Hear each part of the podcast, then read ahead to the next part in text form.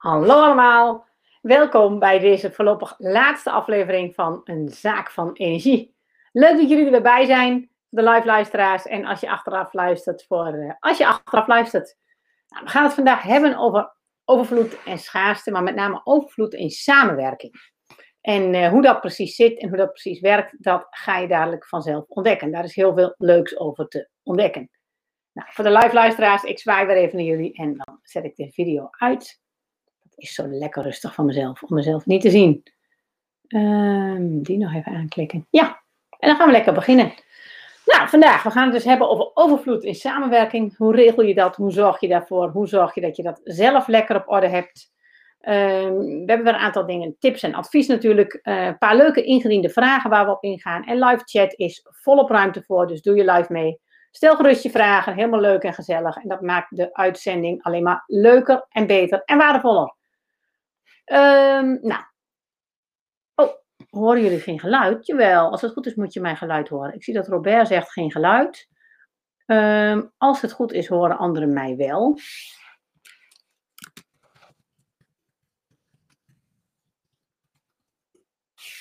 Dus laat het even horen. Nee, Jolanda heeft ook geen geluid. Dat is vreemd. Van een beeld uitgezet. Maar geluid zou toch. Hey, Barbara heeft wel prima geluid. Geraldine heeft geluid. Oké, dan is het geluid in orde.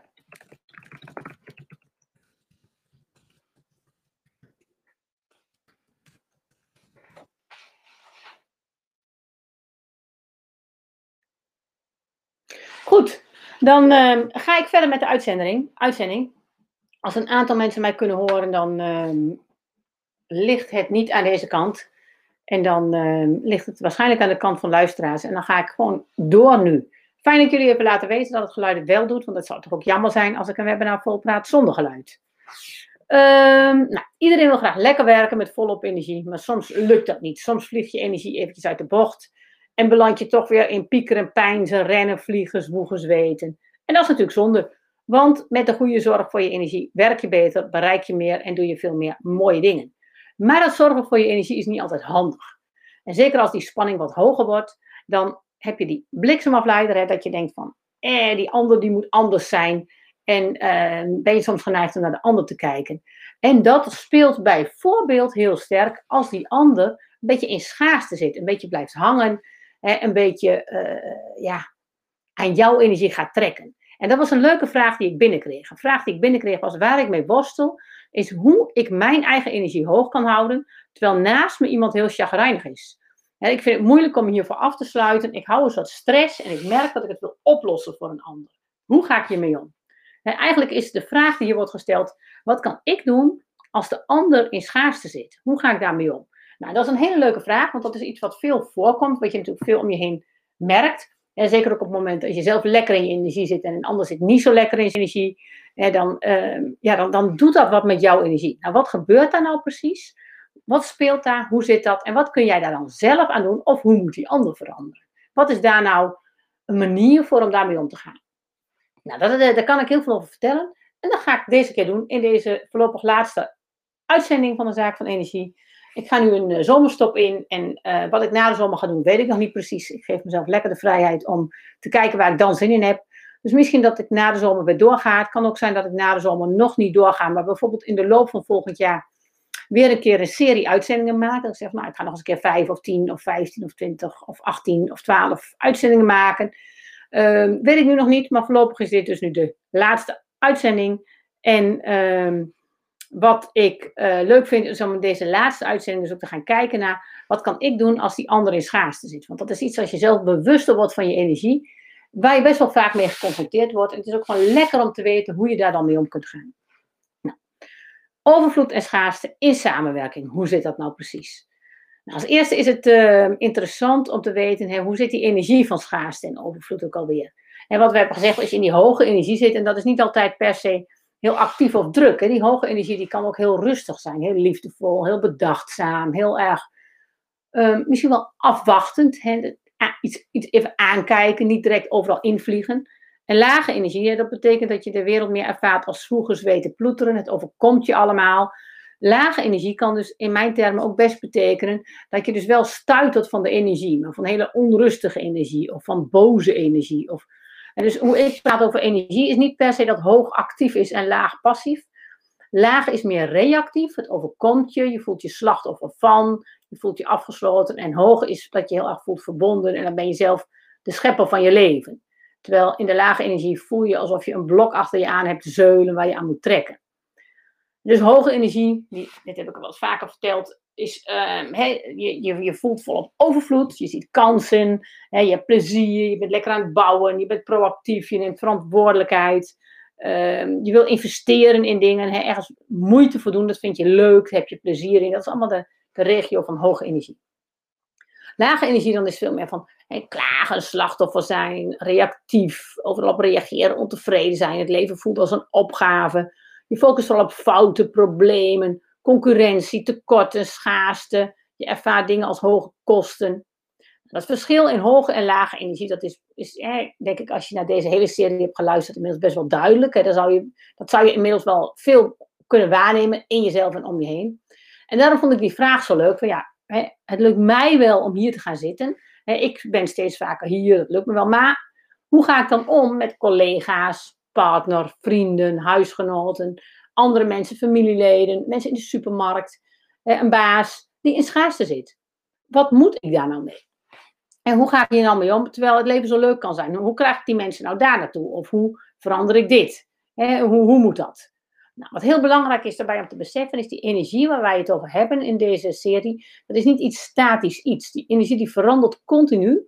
En die heeft ook een interactie en wisselwerking met je omgeving.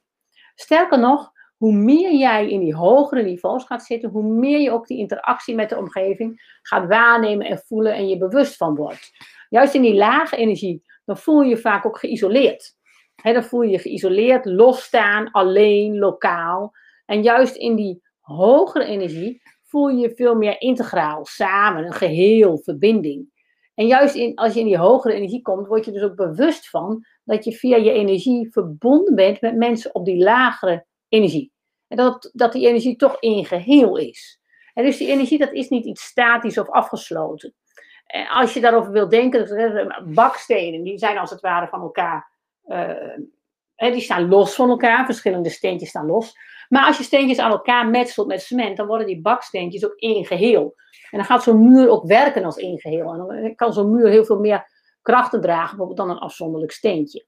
Nou, die energie, en waar wij het hier over hebben in deze webinarserie, dat is ook iets wat, wat gaat over verbinding. Is verbonden met elkaar, dat reageert op elkaar. Dat kun je eigenlijk veel meer zien als, misschien wel als water of als lucht. Hè, dat reageert ook op elkaar en dat is ook in, in beweging.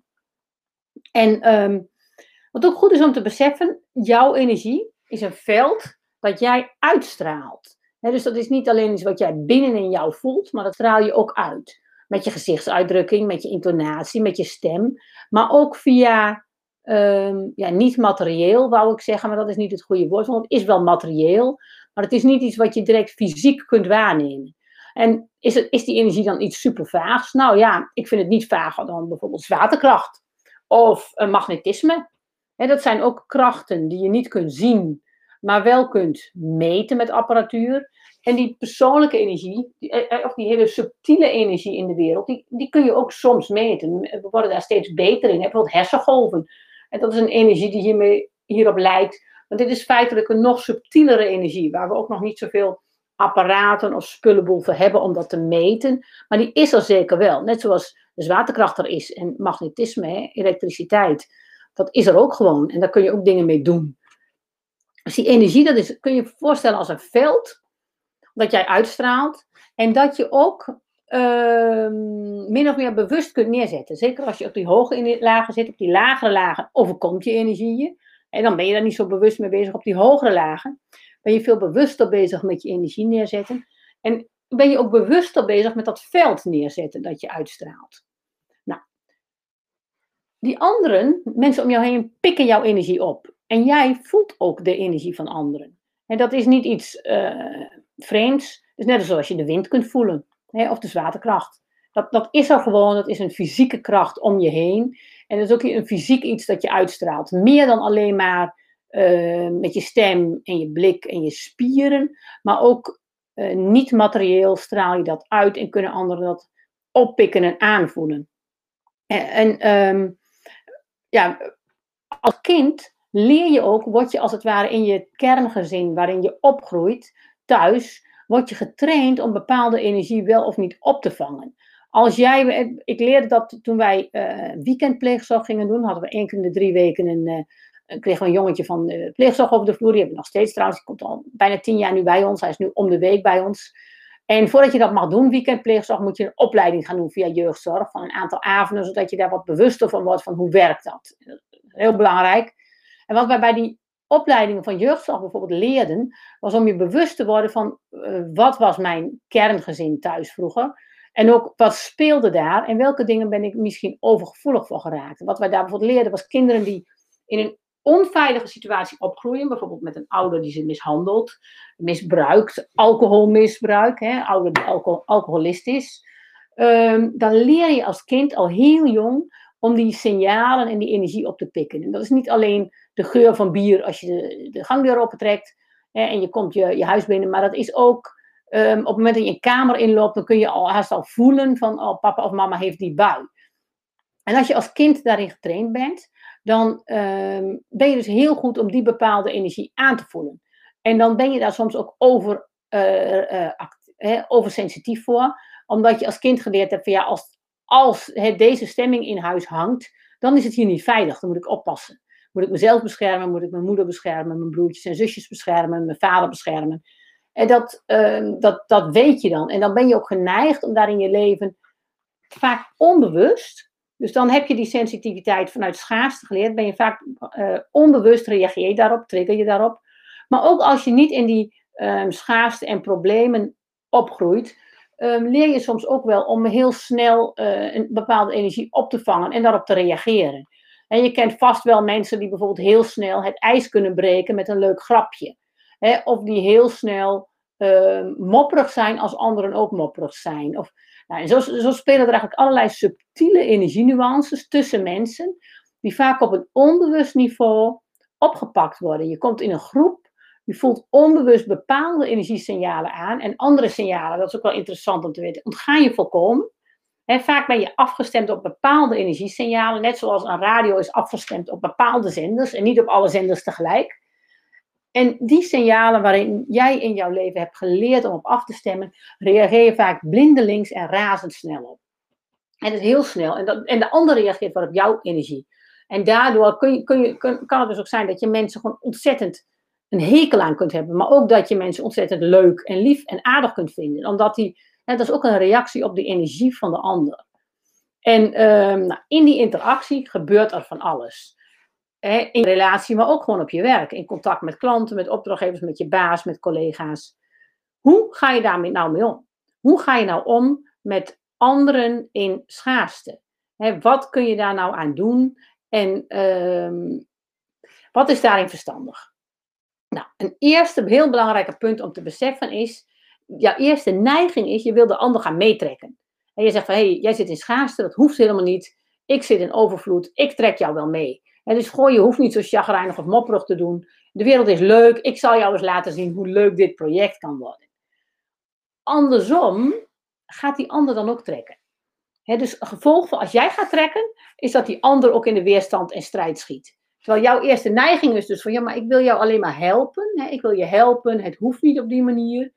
Gevolg is, die ander gaat zich verschrikkelijk schrap zetten. En je krijgt een enorme weerstand en strijd op een bewust niveau, maar soms vaak ook op een onbewust niveau. En juist op dat onbewuste niveau wordt dat heel onprettig. Omdat je voelt dat er iets niet klopt. Dat voelt die ander ook. Dat is vervelend. Je wil elkaar daarvan gaan overtuigen. De argumenten gaan dan vaak op het rationele niveau. Bijvoorbeeld de ander ziet alleen maar schaarste in het project. Jij ziet volop kansen. En dat voelt heel onprettig, die energie. Maar je gaat dan praten over het project en waarom er wel kansen zijn of waarom dit absoluut geen goed project is en absoluut mis zal gaan. Dus het interessante is dan ook dat de discussie vaak plaatsvindt op een heel ander niveau dan de botsing.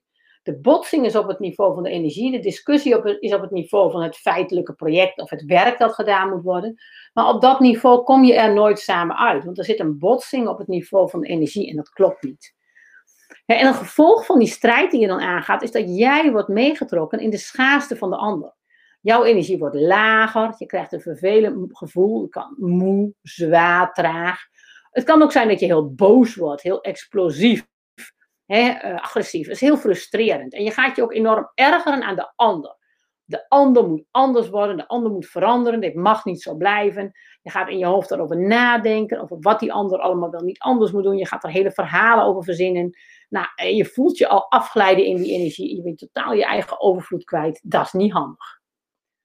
Wat werkt dan wel? Hoe pak je dat dan wel slim aan? Wat is dan wel goed? Heel belangrijk punt, en het klinkt heel eenvoudig, maar heel moeilijk. Blijf bij jezelf.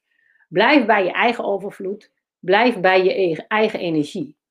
En veranker jezelf ook op je eigen niveau van energie. Daar gaan we dadelijk ook over hebben, hoe je dat kunt doen, hoe je dat aanpakt. En blijf in verbinding met de ander. En dat is ook een hele moeilijke. dus ga jezelf niet afsluiten van de ander. Dat is ook wat je dan graag gaat doen, om uh, maar niet geïnfecteerd te raken door die energie van de ander. Denk je van, oh, ik ga mezelf hier verankeren en afsluiten. Maar we hadden nou straks juist gezien dat afsluiten en isoleren, dat zit al hier. dus op het moment dat jij je wil gaan uh, lokaal gaat denken, alleen en geïsoleerd, dan ga je toch alweer onbewust de schaarste in. Dus op het moment dat jij je afschermt voor die energie van de ander, dan zit je al minder in die overvloed. Want in die overvloed sta je juist in open interactie met de wereld om je heen. Dus dat is een hele lastige. Je moet bij jezelf blijven, bij je eigen energie. Je wil jezelf verankeren in je eigen energie, hè, op je eigen niveau. Maar je moet ook in verbinding blijven met die ander. Op energetisch niveau. Op energetisch niveau moet je toch ook uh, die connectie houden, want anders scherm je je af. En uh, dat is een verschrikkelijke uitdaging. En, en, hoe doe je dat nou goed? Nou, wat, wat belangrijk is, is dat je gaat voelen wat de energie van de ander met jou doet. Dus dat je, als je in verbinding blijft, dan heeft die energie van de ander een invloed op jou. Dus het is heel belangrijk dat je dat blijft voelen en je daar niet voor afschermt. Dus dat je dat voelen van die energie en wat dat met jou doet, dat je dat toch toestaat. En dat voelen, dat doe je dus ook fysiek. Dat is een fysieke vaardigheid in je lichaam. Dus terwijl je in connectie bent met die ander, die collega die allemaal problemen ziet bij jouw mooie plan, terwijl jij denkt, ja, maar dat kan makkelijk en wat zit je nou te zeuren en je ziet alleen maar schaarste. Dan ga je niet die ander overreden of veranderen, dan ga je alleen maar je eigen, bijvoorbeeld ergernis voelen. Of, en ergernis is alweer een, een emotie, een label. Dus je gaat onder die ergernis, voel je, hé, dit geeft een vervelende tinteling rond mijn maag. Dit geeft een zeurend gevoel eh, boven mijn navel, aan de onderkant van mijn maaggebied. Het gaat een soort van vervelend tintelen. Het wordt warm, het wordt koud. Er zit een, ja, net als er een zwart gat zit. Er, dus je gaat echt die fysieke, vader, eh, fysieke emotie benoemen. Dus niet te veel labels erop plakken. Ik voel me teleurgesteld. Ik voel me, dat is alweer ratio, maar echt het fysieke, hele basale fysieke. Hoe stroomt die energie in mijn lichaam? Wat doet die energie in mijn lichaam nu? En je lichaam is wat dat betreft een soort meetinstrument, een sensor voor die energie. En je lichaam is ook het meetinstrument dat jij hebt om die energie waar te nemen. En je wil dat eigenlijk zo um, onbevooroordeeld mogelijk waarnemen. Dus dat is een beetje als je, stel dat je een, um, naar, een naar een thermometer kijkt met een temperatuur, dan kun je zeggen, oh het is 30 graden, dat is heel warm. Ja, als 30 graden de temperatuur van de buitenlucht is, is dat voor ons Nederlanders heel warm. Maar als je in, uh, in Afrika woont, is 30 graden misschien wel helemaal niet zo warm. En als 30 graden de temperatuur is van je uh, badwater, dan is het helemaal zelfs niet warm. Dan voelt het een beetje als, als lauw koud. Als 30 graden temperatuur is van je thee, dan zeg je zo misschien wel gat van koude thee. En dus belangrijk is dat je snapt dat je je lichaam gaat behandelen als een meetinstrument, dus als een thermometer, die heel seks zegt: het is 30 graden. En dan plak je niet het label op warm-koud. Dus je zegt, hé, ik voel een vervelende, of ik voel een tinteling rond mijn maag. En dan plak je niet direct het label op van uh, frustratie, ergernis, uh, vervelend. Maar je zegt gewoon, hé, interessant, een tinteling rond mijn maag. En die tinteling ga je dus zo maximaal mogelijk voelen, fysiek, met zo weinig mogelijk uh, verhaal. En dus um, zo weinig mogelijk verhaal, zo weinig mogelijk interpretatie, maar alleen de fysieke vaardigheid. Alleen het fysieke voelen. Um, is heel belangrijk. Moraal van het verhaal. Ga niet trekken. Probeer niet die ander van de plek te krijgen. Een valkuilen bij trekken is, dan wil je die ander meetrekken of verplaatsen. En daarmee heb je eigenlijk een geheime agenda. Je wil die ander overtuigen. En je wil die ander laten inzien dat. En daarmee ga je rollen aan de energie van de ander. En wil je dus eigenlijk die ander ook niet accepteren zoals die ander is. En je wil dat die ander is zoals jij vindt dat die moet zijn. En daarmee ga je rommelen aan die energie. En dan gaat dat niet goed werken. dus de oorzaak van die valkuilen is dat je eigenlijk in die energie van de ander stapt. En die energie van de ander wil fixen en wil aanpassen en wil uh, wegtrekken en wil wijzigen. En dat gaat je nooit lukken. Nou, hoe werkt het dan wel? wat werkt dan wel? Zet je eigen veld van energie neer en blijf daarin. En dat, is een, dat vereist een soort van ja, eigenwijzigheid in verbinding. Eigen gereidheid, uh, ja, zelfvertrouwen is eigenlijk niet het goede woord, want het heeft niet zoveel te maken met vertrouwen in jezelf, maar gewoon blijven bij jezelf. Blijven bij je eigen veld van energie.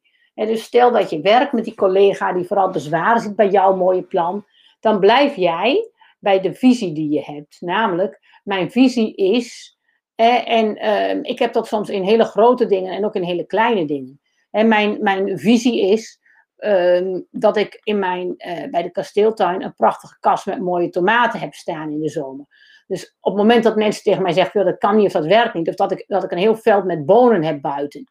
En als er dan gezegd wordt, ja, dat kan niet, of dat werkt niet, of dat wordt toch allemaal opgevreten, dan zeg ik van nou, uh, dat kan zo zijn, dan kan ik me aan ergeren, dan kan ik tegenin gaan, dan kan ik dwars worden, dan kan ik eigenwijs worden. Ik kan ook gewoon mijn visie voor me blijven zien. Ik zie dat veld vol bonen voor me, die kast vol tomaten. En ik zie voor me dat ik daar met collega's lachend aan werk, dat we lol en plezier hebben samen.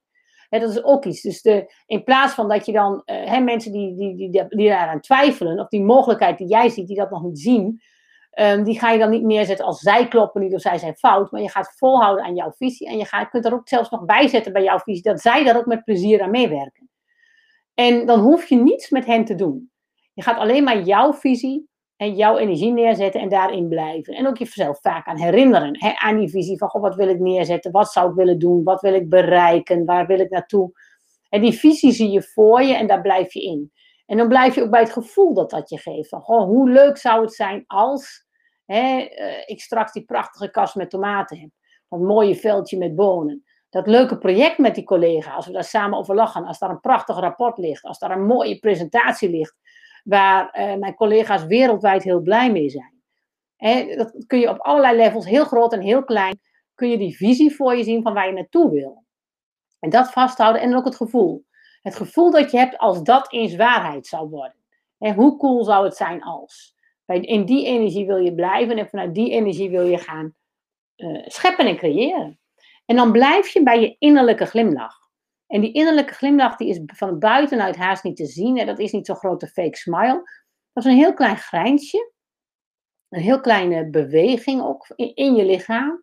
En die innerlijke glimlach maakt je eigenlijk enorm krachtig. Juist door die innerlijke glimlach krijg je een enorme power. Uh, die ook niet deel direct zichtbaar is. Je bent ook niet agressief, je bent niet overheersend.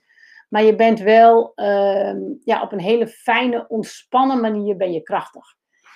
En die innerlijke glimlach, die, daar zijn verschillende methoden voor, onder andere vanuit het Taoïsme, om dat te oefenen. Dat, kunnen we ook even nu live zelf doen. Als je naar deze opname luistert, ga even lekker zitten. Uh, als je nu aan het autorijden bent of andere dingen doet, blijf vooral autorijden. Hè, maar als je uh, rustig kunt zitten of staan, ga zitten of staan. Voel je gewicht op de aarde.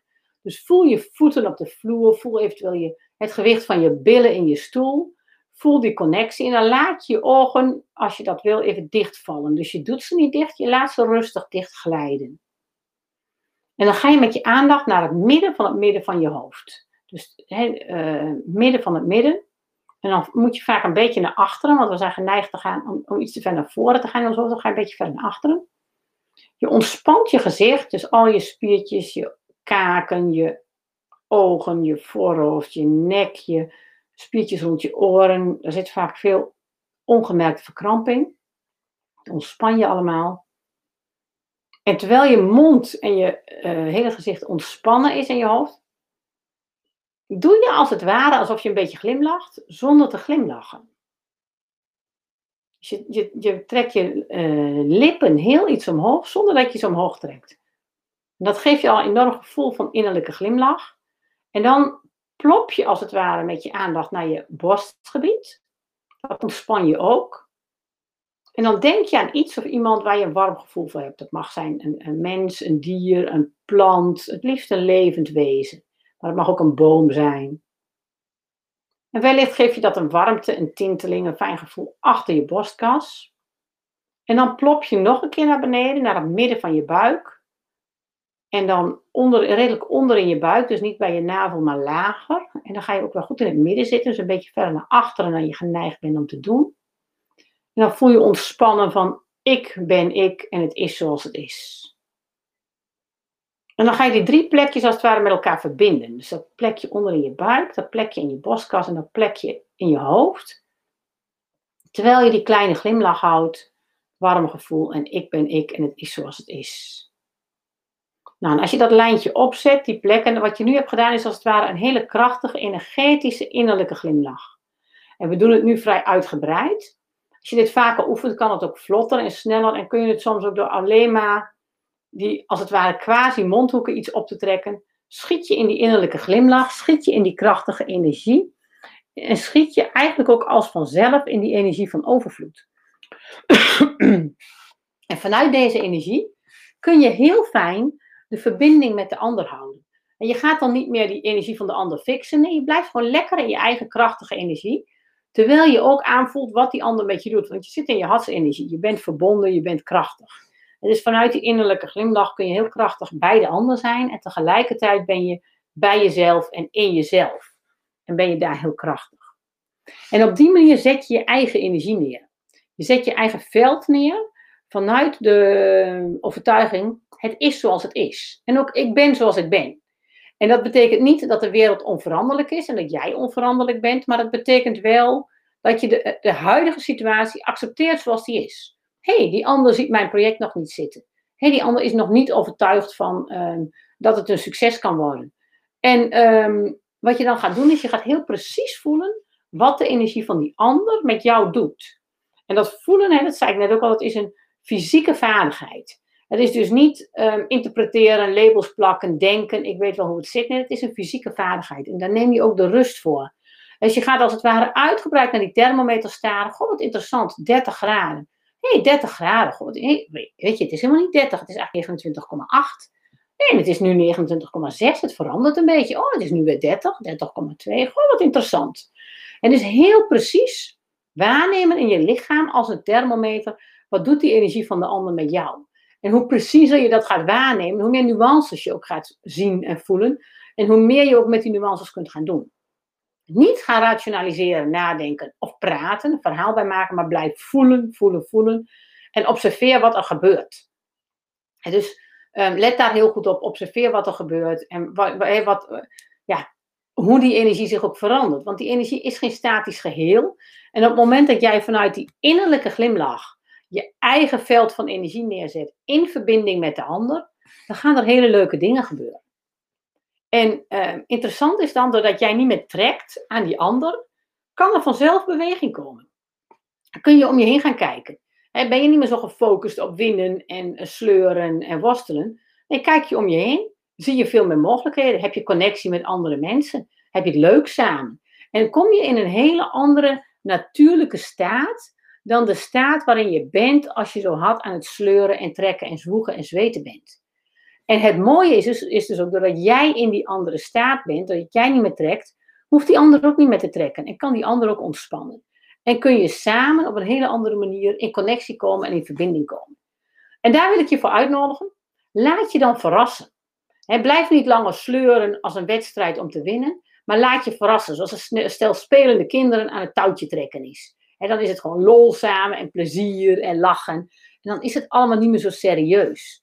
Dus Um, laat dat touw maar vieren. Ga niet trekken aan die ander. En wat je dan bijvoorbeeld kunt zien, is dat die ander opeens in beweging komt. zonder dat jij er iets zichtbaars voor doet. Wat grappig is, is op onzichtbaar niveau heb je wel veel werk verzet. Want dat in je eigen energie blijven en ehm, dat voelen wat die energie van de ander met je doet. En tegelijkertijd die verbinding met de ander open houden. En jouw visie voor ogen houden. Dat is waanzinnig complex intern werk. Het is heel complex om dat te doen. Moet je ook echt wel mee oefenen. Maar het leuke is ook, het is ook weer een vaardigheid, net als fietsen. fietsen is in het begin ook super complex. Dat is echt heel moeilijk. Maar als je uh, hebt leren fietsen of zwemmen, dan verleer je dat ook niet zomaar meer. Dan is dat een fysieke vaardigheid waar je hele leven een beroep op kunt blijven doen. En dat kan met dit energiebewustzijn ook. Dat is ook een fysieke vaardigheid die je lichaam moet ontwikkelen door veel te oefenen. Maar als je veel oefent, word je daar steeds handiger in en steeds krachtiger in. En dan um, is het alsof er niks gebeurt, uh, maar onzichtbaar verzet je heel veel werk. Um, daardoor kom jij ook in beweging. En het kan ook wel zijn dat die ander niet opeens in beweging komt, maar dat er voor jou dingen veranderen. En dat die hele weerstand van de ander er niet meer toe doet. En dat je denkt van, ja, weet je, ik ga gewoon lekker aan dat project werken. Ik ga daar een succes van maken. En nou, dan ben je het er niet mee eens. Helemaal goed. Ik hoef je helemaal niet te overtuigen. Ik ga dit gewoon lekker doen. En um, die energie tussen jullie verandert dan volkomen. En dan is er opeens van alles mogelijk. Het grappige is ook dat er dan vaak in hele korte tijd hele grote dingen gebeuren. Dan kan het zomaar zijn dat jij, uh, die ander die, die je helemaal niet zag als medestander van je project, die alleen maar kritisch was, die komt dan in één keer met een boek of een projectvoorstel of een document die zegt oh kijk, hier was jij toch mee bezig, misschien kun je hier wel wat mee. En is dat een enorm ontbrekend stukje voor jou. Of uh, die ander stopt in één keer met het project en met zijn weerstand. En die gaat bij een hele andere afdeling werken. Of die neemt ontslag. Of die vindt een andere baan. Of die verdwijnt totaal uit je omgeving vanzelf. Of uh, die ander beweegt naar jou toe en je gaat er toch samen mee werken. Dat is heel grappig. Het, het is net alsof de energie er dan ook gaat oplossen. En um, wat er ook gaat gebeuren dan, en doordat jij krachtig bent, jij, jij zet als het ware die energie hier neer met jouw energieveld. Die ander zit hier, ontstaat er een spanning. Er ontstaat een spanning tussen die twee niveaus van energie. Net zoals je bij een, een batterij hebt met een plus- en een minpool. Dan ontstaat ook een spanning. En door die spanning gaat er energie stromen en komen dingen in beweging. Je kunt het ook vergelijken met bijvoorbeeld een hoge en een lage luchtdruk. Als je dat op verschillende plekken in de wereld hebt, dan ontstaat er wind. of op het moment dat je een hoog en een laag waterniveau hebt, dan gaat het water stromen. Naar, van hoog naar laag. Dat gaat vanzelf. Bij energie is het eigenlijk andersom. Als jij een hoog energieniveau neer, neerzet, jij zit in die wereld van actief scheppen. En jij weet dat energieniveau vast te houden binnen jezelf in connectie met de ander dan gaat die energie stromen. Je voelt eerst die spanning. Die spanning is heel vervelend, want die ander zit hier. En als je dat wil gaan oplossen, dan ga jij die kant op stromen. Maar dat ga je niet doen. Als jij die spanning hier op dit niveau houdt, en je verankert jezelf terwijl je in verbinding blijft met die ander, dan moet die ander gaan stromen. En dat betekent of dat die ander van je wegstroomt, dat hij dus een andere plek zoekt en dat je daar geen last meer van hebt, of dat die ander naar je toe stroomt en als het ware met je gaat meedoen. En ik, waarom of hoe dat precies werkt, eh, snap ik ook nog steeds niet precies. Maar dit is wel hoe het steeds gaat. En dat fascineert me elke keer weer. ik denk van ja, maar als ik maar mijn hoge energie vasthoud op mijn niveau en dat als het ware verankerd terwijl ik in verbinding blijf, dan moet die ander meebewegen. Dan moet die ander gaan stromen en dan gaat er gewoon wat gebeuren. Maar het verschil tussen die twee lagen van energie voelen, dus jij zit hoog en die ander zit hier, dat voelt wel even lastig. En dan ben je dus geneigd om, dat dat lastig voelt, je voelt die spanning, om, om wat aan die spanning te gaan doen. En dat moet je helemaal niet doen. Jij moet lekker die energie vasthouden op jouw niveau, terwijl je in verbinding blijft, zodat die energie het voor je kan gaan oplossen. En dat is super krachtig en cool. En dan kun je dus op allerlei manieren verrast worden wat er gebeurt. Bijvoorbeeld doordat die ander in beweging is gekomen. Um, of doordat jij in beweging komt en die ander er niet meer toe doet. Uh, of doordat de energie tussen jullie volkomen verandert, doordat die ander wegvalt. Er is opeens van alles mogelijk. En dan ben je echt een meester van de energie en kon je op hele leuke manieren met de energie spelen. Nou, dat klinkt allemaal perfect en makkelijk. Klinkt ideaal. Er is één punt hierbij wat ik zelf nog steeds heel lastig vind. Dat is namelijk dat jij op een heel hoog energetisch niveau heel veel slim werk verzet. En je verankert je in jezelf, je houdt de verbinding, je voelt alles, je voelt die energie, je processt het, maar je doet het onzichtbaar. En ehm, terwijl je heel veel werk verzet, wil je daar ook soms wel graag de credits voor. En ik goh, ik heb zoveel uh, mooi energetisch werk gedaan. Ik wil daar ook de credits voor. Ik wil daar zichtbaar op zijn. Ik wil dat mensen dat weten. Maar ja, je doet het heel onzichtbaar. En uh, daar moet je ook een soort van uh, bescheidenheid voor leren. Dat je dus de bescheidenheid leert dat jij wel het werk verzet, maar dat je daar niet per se direct de credits voor hoeft te hebben. En dat je het werk gewoon gedaan hebt, dat je het werk doet om het, omdat het werk gedaan moet worden. En niet omdat jij bejubeld moet worden, omdat jij degene was die al dat bijzondere deed. Dus er is een soort, ik vind het Engelse woord zo mooi, uh, humbleness. Je moet humble zijn, bescheiden. Um, ja, bescheiden, dat klinkt ook nog weer anders dan humble, vind ik. Humble vind ik gewoon een mooi woord. Dus ja, het, is, het heeft ook een zachtheid. Een, een, het is niet klein, het is krachtig. Uh, bescheidenheid, dat zit, zit, voelt voor mij zo als, als klein, maar dit is gewoon, ja, er zit een vriendelijkheid zit erin, een zachtheid, maar ook een enorme kracht. Doordat jij dat energetische werk verzet, zonder dat je per se de roem en eer en glorie hoeft te hebben. En het grappige is dan ook weer, als jij bereid bent om van die roem en eer en glorie af te zien, dan um, krijg je die roem en eer en glorie wel. dan komt die roem en eer en glorie toch wel naar je toe. Want dan krijg je op een gegeven moment wel van mensen door van ja, ik vind het zo knap hoe vriendelijk jij bent in connectie met die persoon. Of goh, ik heb zo'n respect voor hoe geduld jij hebt in, in die en die vergadering. En dat kan soms jaren later komen, of, of momenten later. Maar daar moet je dus wel van af willen zien. Jij moet bereid zijn om dat uh, vele onzichtbare werk te doen, interne werk, om daarmee te spelen, om daar meesterschap in te krijgen. Zonder dat je geëerd wordt als meester op dat prachtige werk. En als je daar bereid bent om dat te doen um, en zo te zijn, dan komt die waardering toch ook wel weer. En dan wordt het wel zichtbaar, maar je moet dat niet zelf willen hebben of niet om willen bedelen. Want als je daarom gaat bedelen, ja, dan zit je eigenlijk alweer in deze energie van ik wil erkenning, ik wil wat hebben, ik wil wat krijgen. In plaats van dat je hier durft te zitten en zegt van joh, het is goed zoals het is. Ik doe mijn ding, ik doe mijn werk in alle bescheidenheid. En of dat nou wel of niet gezien wordt, um, ik doe dit gewoon. Lily zegt, oh ja, heel herkenbaar. Um, even kijken, hè, die zegt um, heel herkenbaar. Dus, dus dat, die, die humbleness, die bescheidenheid, dat is echt een lastige hierbij. Hè, want dan, uh, ja, waar we mee begonnen, dan zit je met die ander. Hè, en uh, naast je zit iemand heel chagrijnig, daar wil je dan voor afsluiten. Hou je stress, je wil het oplossen voor de ander. Ja, eigenlijk zijn dat dus juist de dingen die je niet zou, uh, niet hoeft te doen. Hè, naast je zit iemand die heel chagrijnig is, hoe ga je daar dan mee om? Nou, voel maar wat dat met, die, met jouw energie doet voel maar wat dat chagrijn met jouw energie doet. En uh, daar ga je dus niet voor afsluiten. Nee, je houdt hier juist die verbinding.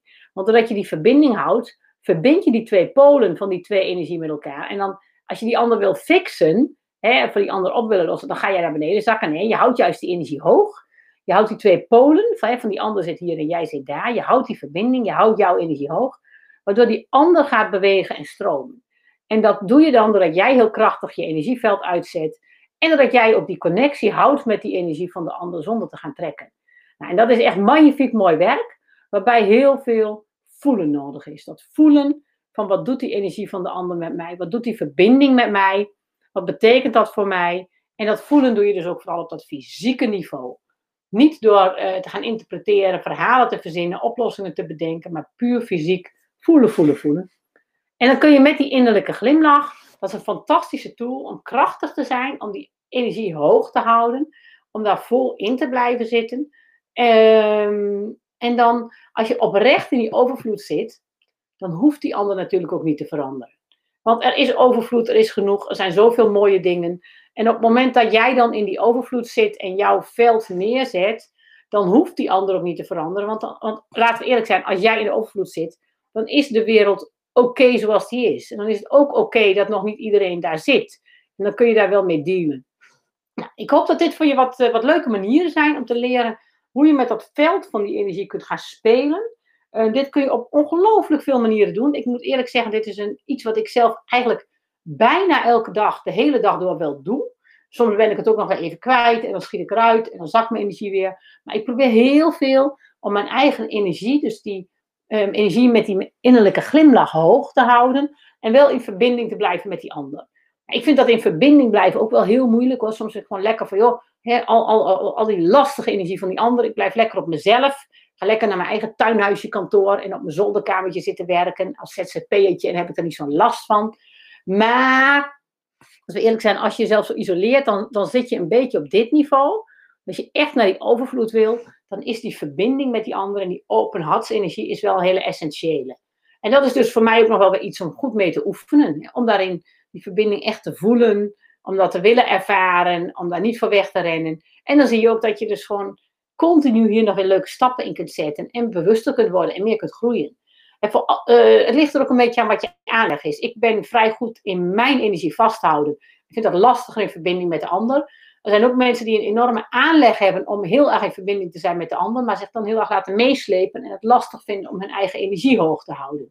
En dus voor die mensen is verbinding minder een punt om te trainen, maar veel meer uh, de eigen energie en het eigen punt. En je minder laten meeslepen. En zo heeft iedereen hier zijn natuurlijke aanleg in.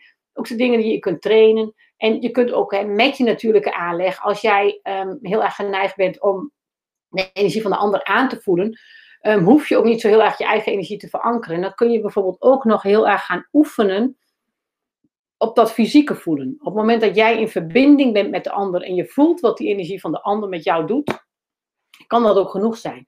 Gewoon dat fysieke voelen wat die energie van de ander met je doet.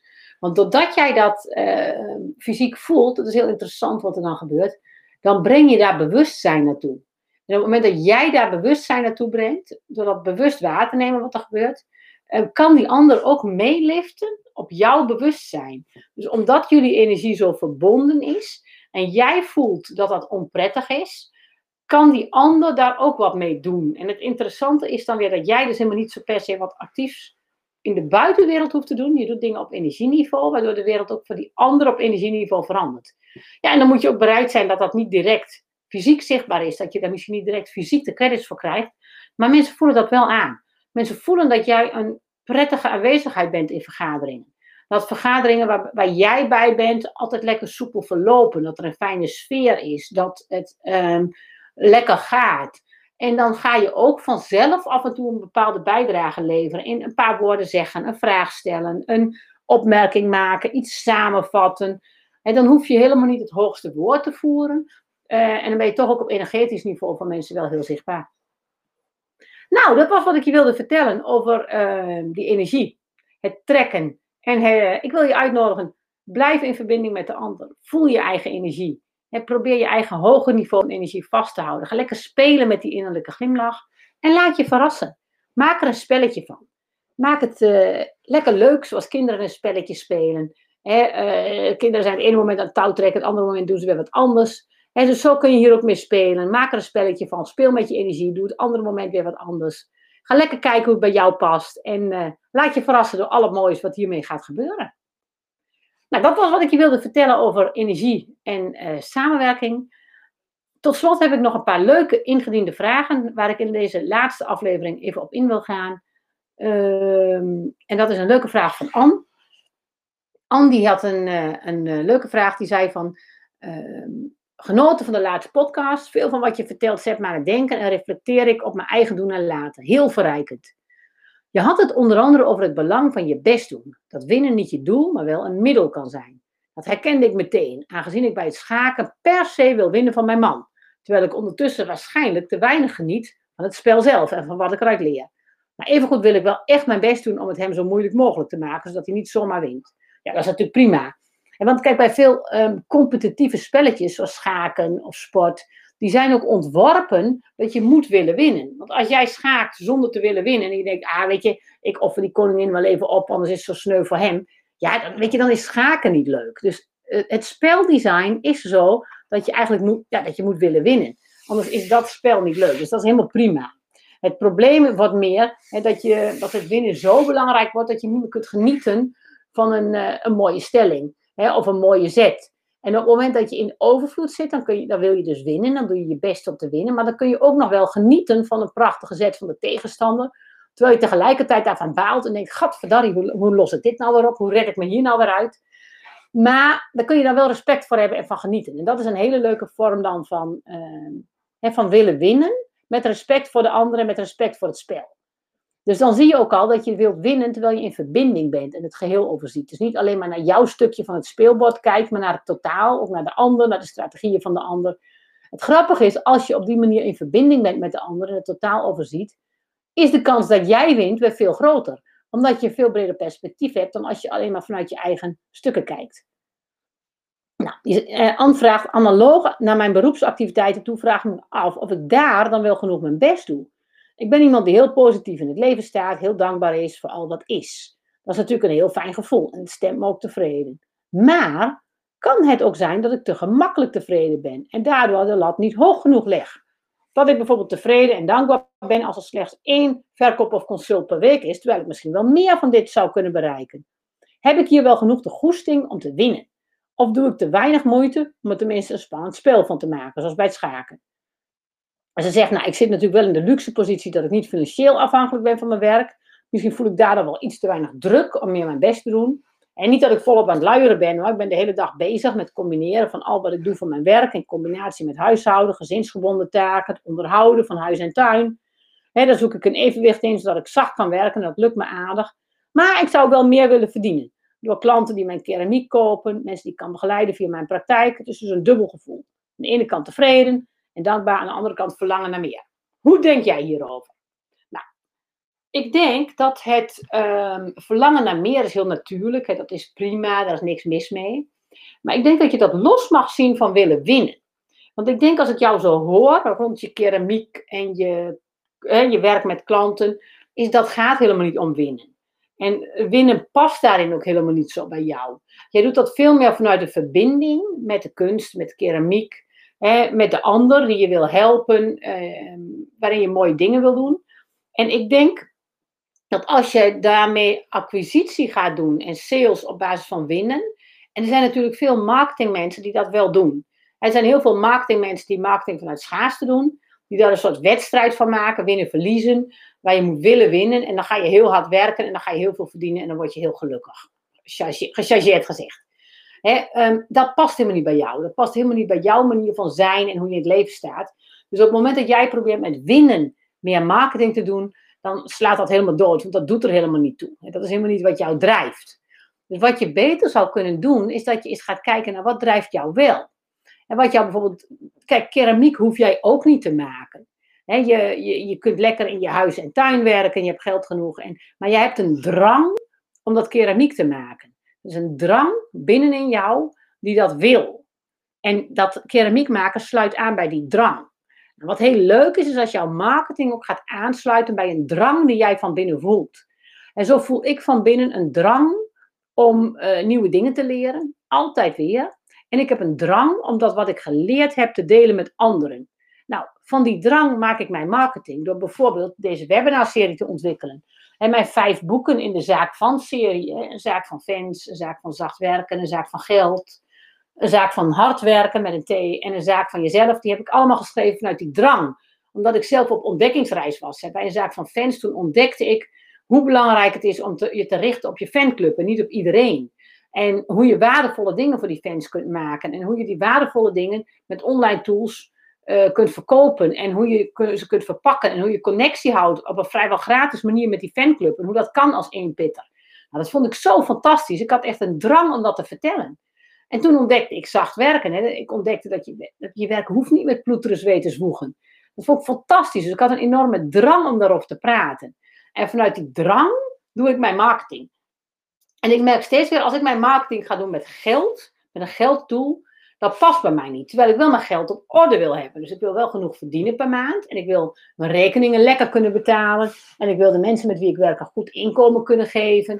En dat is wel een oprechte drang bij mij. Maar een drang om te willen winnen, dat hou ik een kwartiertje vol en dan denk ik lekker belangrijk. Terwijl de drang om mooie dingen met mensen te delen en mensen te helpen met mijn kennis, ja, die is echt heel authentiek. Dus ik denk aan voor jou dat je eens even op zoek moet gaan. En het geldt niet alleen voor Anne natuurlijk, maar voor ons allemaal. Want er zijn heel veel ZZP'ers zoals Anne die niet zoveel hebben met winnen.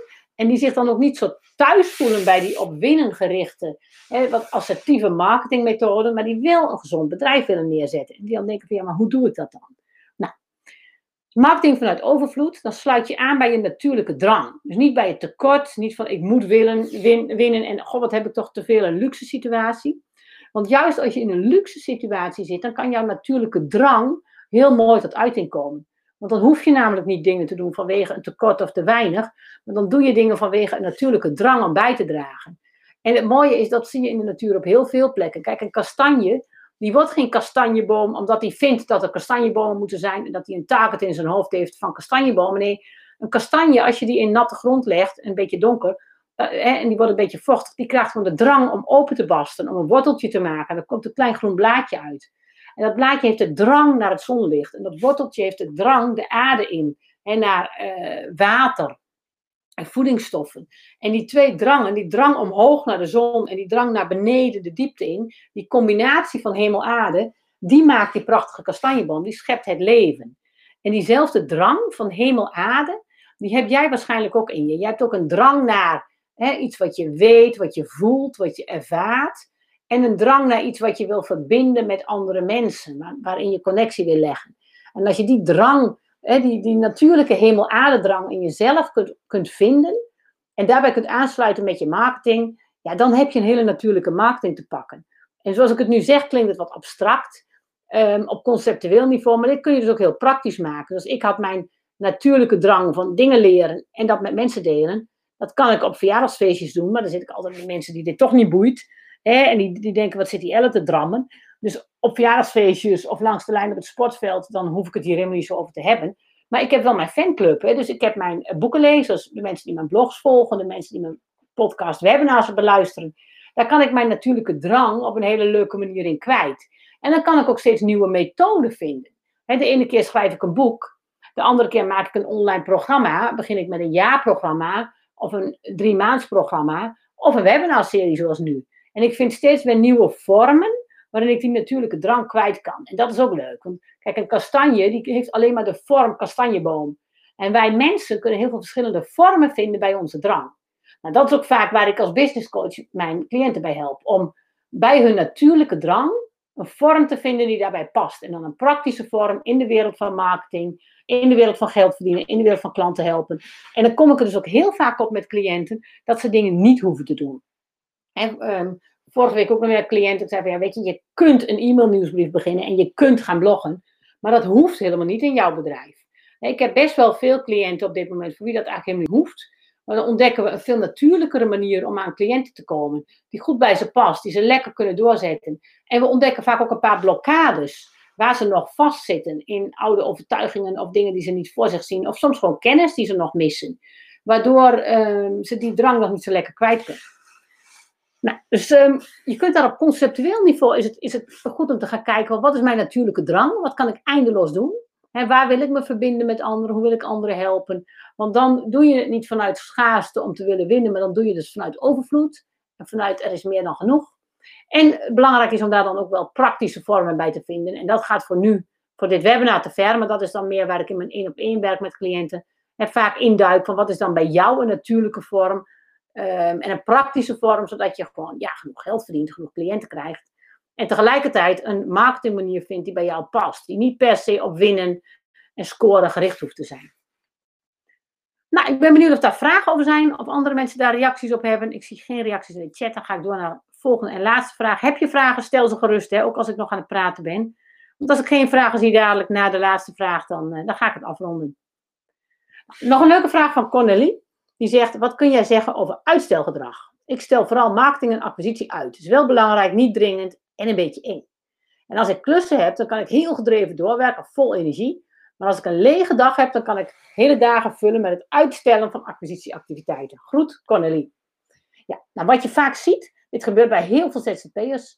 En dat uh, zie je niet alleen bij marketing en acquisitie, maar dat zie je ook bij dromen realiseren. En stel dat je als droom hebt dat je ooit een wereldreis wil maken dan is het niet zo dat als je nu een dag vrij hebt, dat je in één keer aan de slag gaat om flinke stappen te zetten om ooit die wereldreis te maken.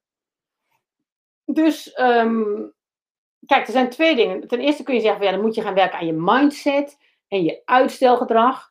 Uh, dat vind ik in dit geval wat te abstract. Wat ik vaak ook merk bij mijn cliënten en mensen die ik begeleid, is dat je marketing en acquisitie best wel gaat doen als het niet zo vaag begrip is. Kijk, stel dat jij. Ehm, een cliënt die ik vorige week had, bijvoorbeeld waar ik veel mee werk de, afgelopen maanden, die, ik sprak haar vorige week, die had ook het idee van, ik moet gaan, gaan, misschien wel gaan bloggen en schrijven en e-mailmarketing. En toen zeiden van, ja, is dat nou wel zo nodig? Want je hebt eigenlijk genoeg cliënten op dit moment. Ja, dat is ook wel zo. Maar je wil wel dat er een goede website staat. Ja, ik wil wel een website. En mijn website is nu niet goed. Nee. Nou, wat moet er dan komen? Een nieuwe site. Nou, een nieuwe site is een heel groot project. Dat is heel ingewikkeld. En dan ga je niet als je een vrije dag hebt, ga je een nieuwe site opzetten. Dus maken we dat project kleiner. We zeiden bijvoorbeeld van nou, er moet een tekst voor de homepage komen, voor je contactpagina en je over mij pagina. Er moeten drie tekstjes komen voor drie pagina's. Um, contacten over mij, dat moet een half A4'tje zijn, hoeft niet zo lang. Over mij wordt misschien een A4'tje, maar niet veel langer. En homepage tekst. Nou, wat moet er in de homepage tekst staan? Dat zijn deze drie blokken. Dus als ik mijn cliënt die drie blokken geef, van nou, je moet dit, dit en dit op je homepage hebben staan.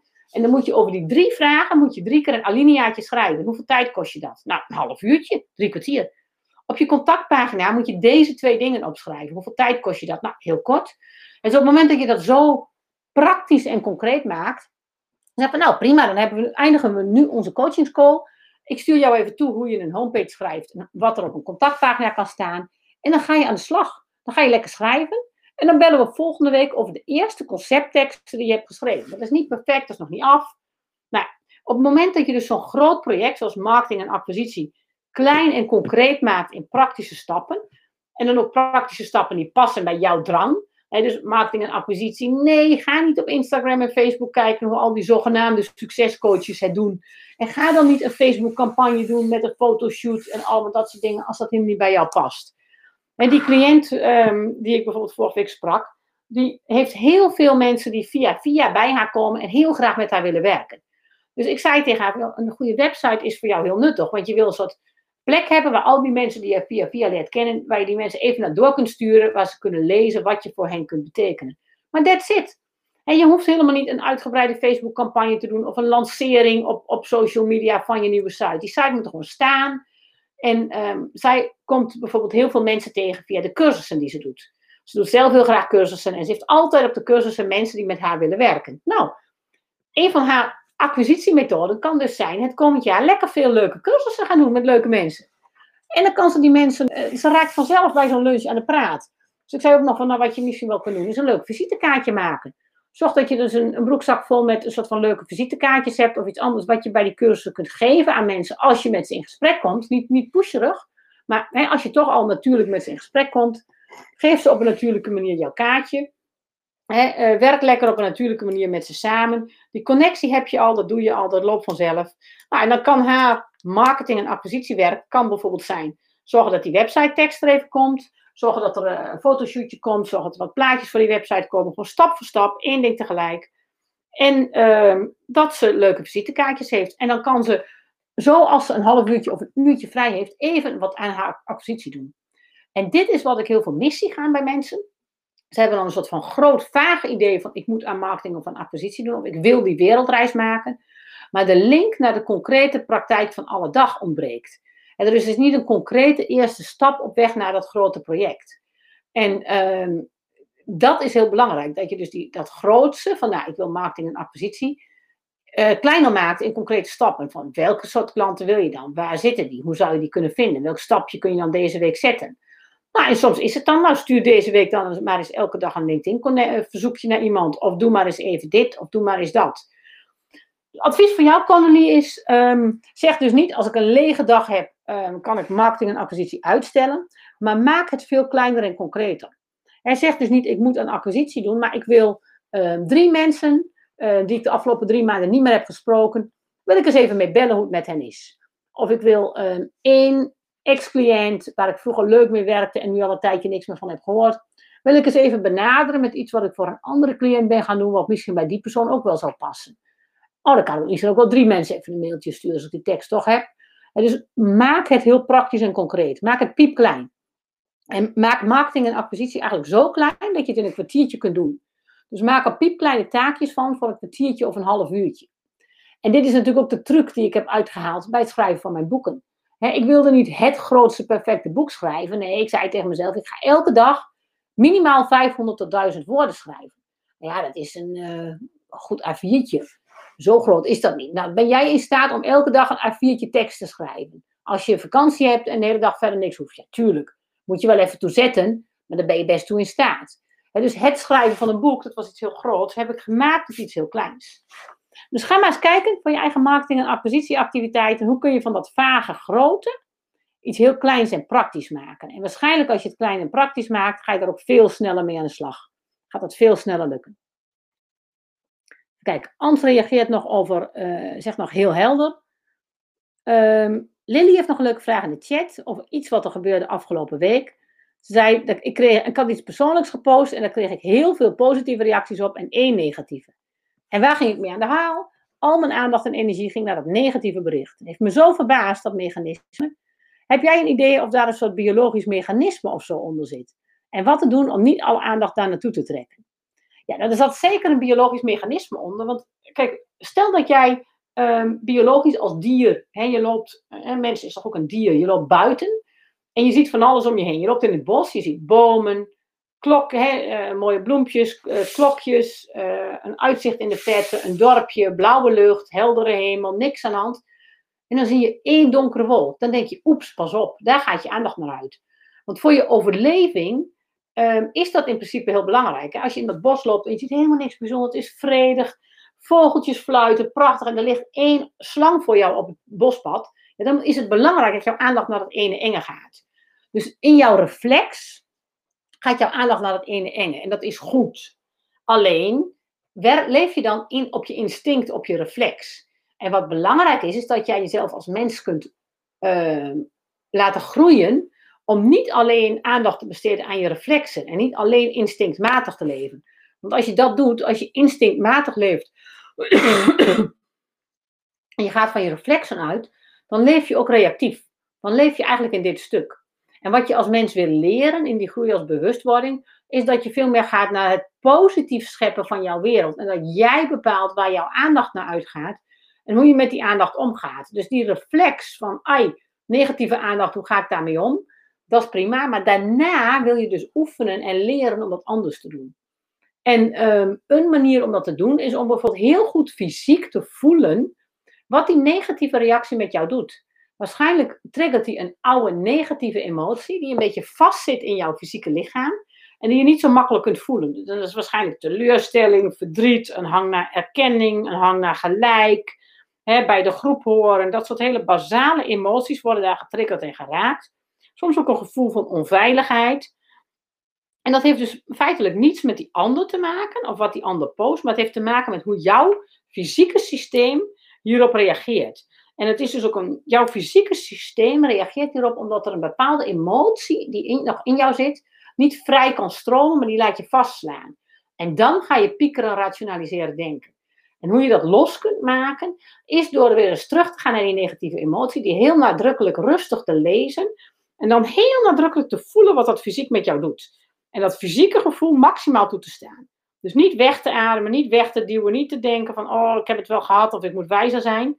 En ik merk steeds weer, als ik dat toesta, hè, dus dat vervelende fysieke gevoel door me heen laten stromen, ook op het moment dat iemand boos tegen me is, als iemand tegen me staat te schreeuwen, als iemand hè, uh, heel vervelend doet, um, dan is het heel mooi om dat fysieke gevoel maximaal te voelen. En op dat moment is die ander dus ook een soort van oefenlapje waarmee jij kunt trainen om dat fysieke gevoel nog verder los te laten en te doorleven. Dus dan, als je dat gaat beseffen, dan worden die vervelende situaties worden heel interessant, omdat ze jou helpen om verder te groeien naar overvloed. Dus um, wat te doen om niet alle aandacht daar naartoe te laten trekken? Nou, een signaal dat alle aandacht er nog steeds naartoe gaat, is dat daar een fysieke emotie vastzit, die je nog niet hebt gevoeld fysiek. En als je dat fysiek wel helemaal voelt, dan stroomt het als het ware door je heen, net zoals een regenbuitje, en kan daarna de zon weer gaan schijnen.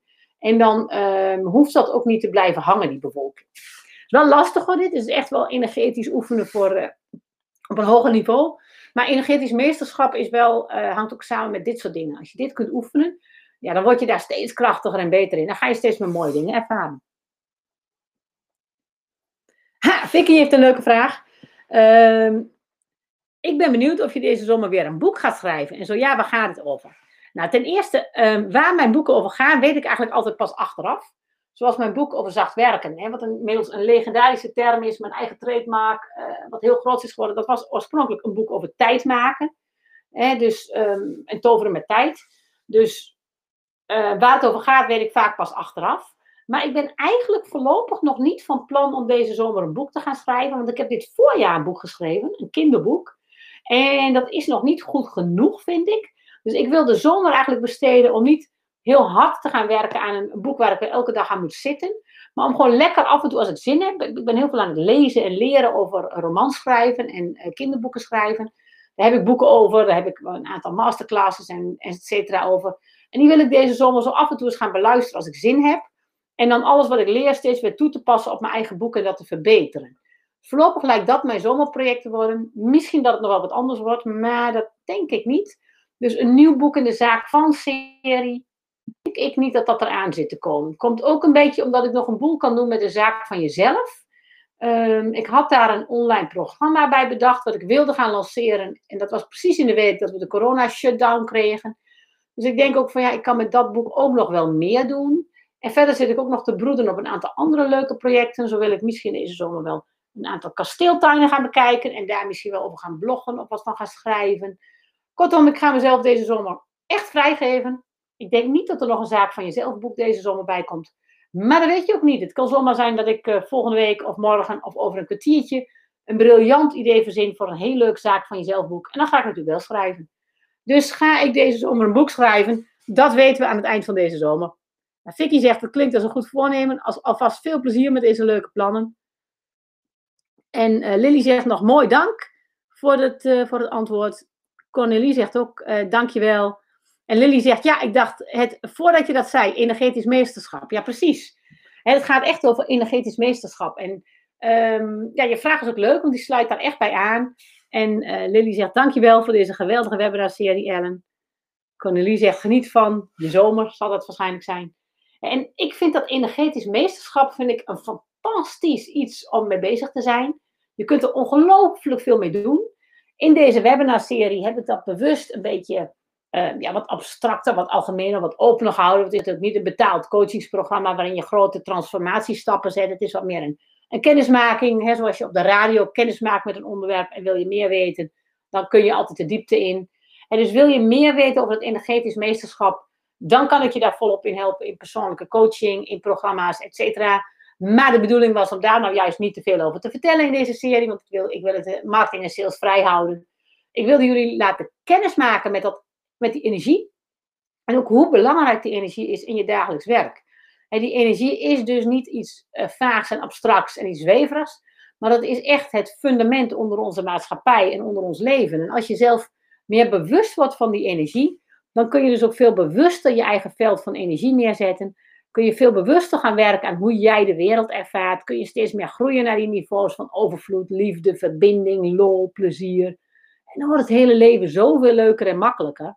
En dat heeft ook heel veel te maken met dat je hè, van de dingen die je um, onbewust overkomen, zoals een vervelende reactie en een emotie die onbewust door je lichaam schiet, dat je steeds meer gaat leren om dat bewust te vormen en te scheppen. Waardoor je steeds meer meesterschap krijgt over je eigen leven, over je eigen energie, over de wereld om je heen ook. En waarin je ook steeds meer de wereld om je heen gaat beïnvloeden. Niet omdat die wereld om je heen anders moet worden, want die is prima. Maar omdat je de verbinding gaat ervaren met het leven, met de liefde, met het al en met al die mooie dingen om je heen. Omdat je ook voelt dat je daar een onderdeeltje van bent van dat geheel. Dat dat leuk is om daar een onderdeeltje van te zijn. Dat het soms ook uitdagend is en lastig en spannend. Maar dat het onderdeeltje zijn van dat grote levende geheel, dat dat is wat jou levend maakt. En dat maakt het leven ook de moeite waard. En de moeite waard vind ik ook een mooie zin, want het is dus ook soms moeite. Het is moeilijk, het kost moeite, het vraagt inspanning. Maar het is dan ook absoluut die moeite waard. En het afstemmen op die energie, die connectie voelen met die energie, maakt je ook levend. Maakt je levendig. En eh, maakt het ook gewoon mooi en fijn. En dat is waar ik deze serie mee af wil ronden. Ik hoop dat je heel veel hebt geleerd over energie. Ik hoop dat je ook hebt geleerd dat die energie ook jouw zaak is. En dat het ook jouw zaak, jouw werk, jouw uh, bedrijf, je baan, beïnvloedt. En dat je daarin heel veel zelf kunt kiezen. Los van je baas, van je beroep, van je collega's. En jij bent AZ. Jouw energie is jouw zaak. En dan wens ik je heel veel plezier mee. Een heel mooi leven. Maak er wat heel moois van. Heel veel succes allemaal. Ik wens jullie een hele mooie zomer. Ik lees nog even een paar comments voor in de chat. Manja zegt, dank voor alle waardevolle webinars en een hele fijne zomer. Um, Ans zegt, Ellen, heel erg bedankt. De komende periode ga ik de replays nog eens bekijken. Dat zou ik zeker doen, want daar haal je nog wel heel veel meer uit. Er zit namelijk op heel veel lagen vertel ik dingen. En als je um, iets op een bepaalde laag voor het eerst hoort, dan een tweede en derde keer haal je wel heel veel nieuwe dingen eruit. Dus heel leuk om het opnieuw te gaan beluisteren. En Ans zegt, veel succes voor jou met wat het uiteindelijk gaat worden, dank je. Barbara zegt, heel veel dank voor de mooie serie. Je hebt mij heel, voor mij heel veel dingen aan elkaar verbonden. Fijne zomer, mooi om te horen. Leuk dat je erbij was. En Vicky zegt nog, dankjewel. Nou, jullie ook allemaal hartelijk bedankt voor jullie aanwezigheid, voor je live aanwezigheid, voor de aanwezigheid achteraf. Ik kijk toch elke week naar de kijkcijfers, eh, naar de luisteraars op YouTube, op de podcast. Superleuk om te zien eh, hoe jullie met veel enthousiasme luisteren, want dat maakt het voor mij ook de moeite waard. Dat maakt dit ook een lekker levendig geheel, deze serie, en dat maakt het helemaal leuk.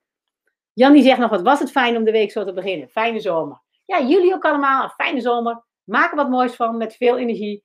Eh, ga lekker oefenen met het meesterschap van je eigen energie. Ga ermee spelen, want uh, een zaak van je energie, dat is bovenal jouw zaak. Maak er wat leuks van. Geniet ervan. En uh, voor de allerlaatste keer voor deze zomer wens ik je heel veel plezier. Wil je meer weten? Kijk op www.faction.nl, vooral voor de ZZP'ers, of www.zachtwerken.nl voor alle werkenden. En besef dat uh, energie, dat is jouw zaak. Kun je op allerlei manieren gebruiken. Dat is niet vaag en abstract. Dat is superleuk. Op allerlei manieren inzetten. Doe er je best op. Maak er wat moois van. Hoi hoi allemaal.